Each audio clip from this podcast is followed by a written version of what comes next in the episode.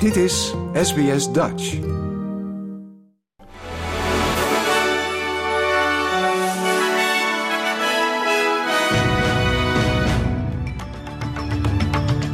Dit is de SBS Nieuwsflits van woensdag 17 januari.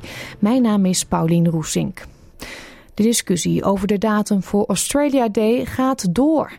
Verschillende gemeentes in het hele land hebben stappen ondernomen om de datum van de nationale viering te wijzigen. Rockingham, een buitenwijk van Perth in WA, is een van die gemeenten die heeft besloten de datum te wijzigen naar 27 januari.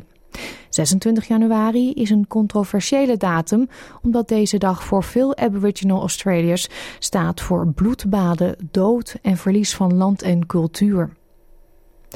Israëlische tanks hebben opnieuw bombardementen uitgevoerd op delen van de noordelijke Gazastrook. Vanaf de grens in Israël waren enorme explosies te zien boven delen van Gaza. De gevechten zijn daardoor weer opgeleid. Aan het begin van het jaar kondigde Israël juist aan zijn operaties in het gebied terug te schroeven.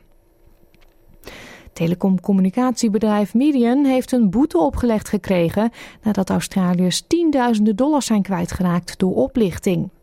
De Australian Communications and Media Authority onthulde dat Median een boete van 260.000 dollar heeft moeten betalen nadat de waakhond had vastgesteld dat het, bedrijf, dat het bedrijf zich niet aan de regels voor klanten-ID had gehouden. Een vaccin ter bestrijding van een zeer besmettelijke luchtwegziekte is voor het eerst goedgekeurd voor gebruik in Australië. De Therapeutic Goods Administration heeft een vaccin tegen RSV goedgekeurd voor Australiërs van 60 jaar en ouder. De federale overheid overweegt wetten op te stellen rondom het gebruik van kunstmatige intelligentie, beter bekend als AI. De regels zouden nodig zijn om betere bescherming te garanderen nu de technologie zich in rap tempo ontwikkelt. Melbourne blijkt de duurste stad in Australië te zijn wat betreft openbaar onderwijs. Uit onderzoek blijkt dat de kosten voor een kind dat dit schooljaar in Melbourne op een openbare school begint, gedurende 13 jaar oplopen tot meer dan 108.000 dollar.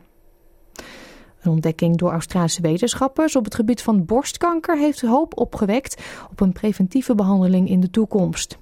Ongeveer 70% van de vrouwen die drager zijn van het defecte BRCA2-gen ontwikkelt de ziekte en onderzoekers hebben nu vastgesteld welke cellen waarschijnlijk uitgroeien tot tumoren.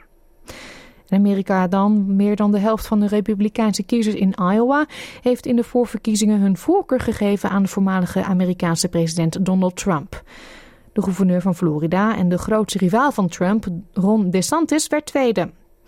Lijkt er hierop dat de presidentsverkiezingen van november een herhaling zullen worden van vier jaar geleden, waarin Trump het opnam tegen de huidige president en democraat Joe Biden.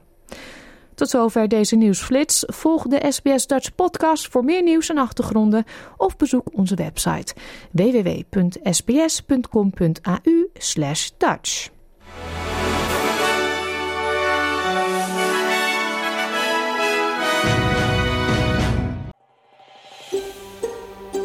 Wil je nog meer soortgelijke verhalen? Luister via Apple Podcasts, Google Podcasts, Spotify of waar je je podcasts dan ook vandaan haalt.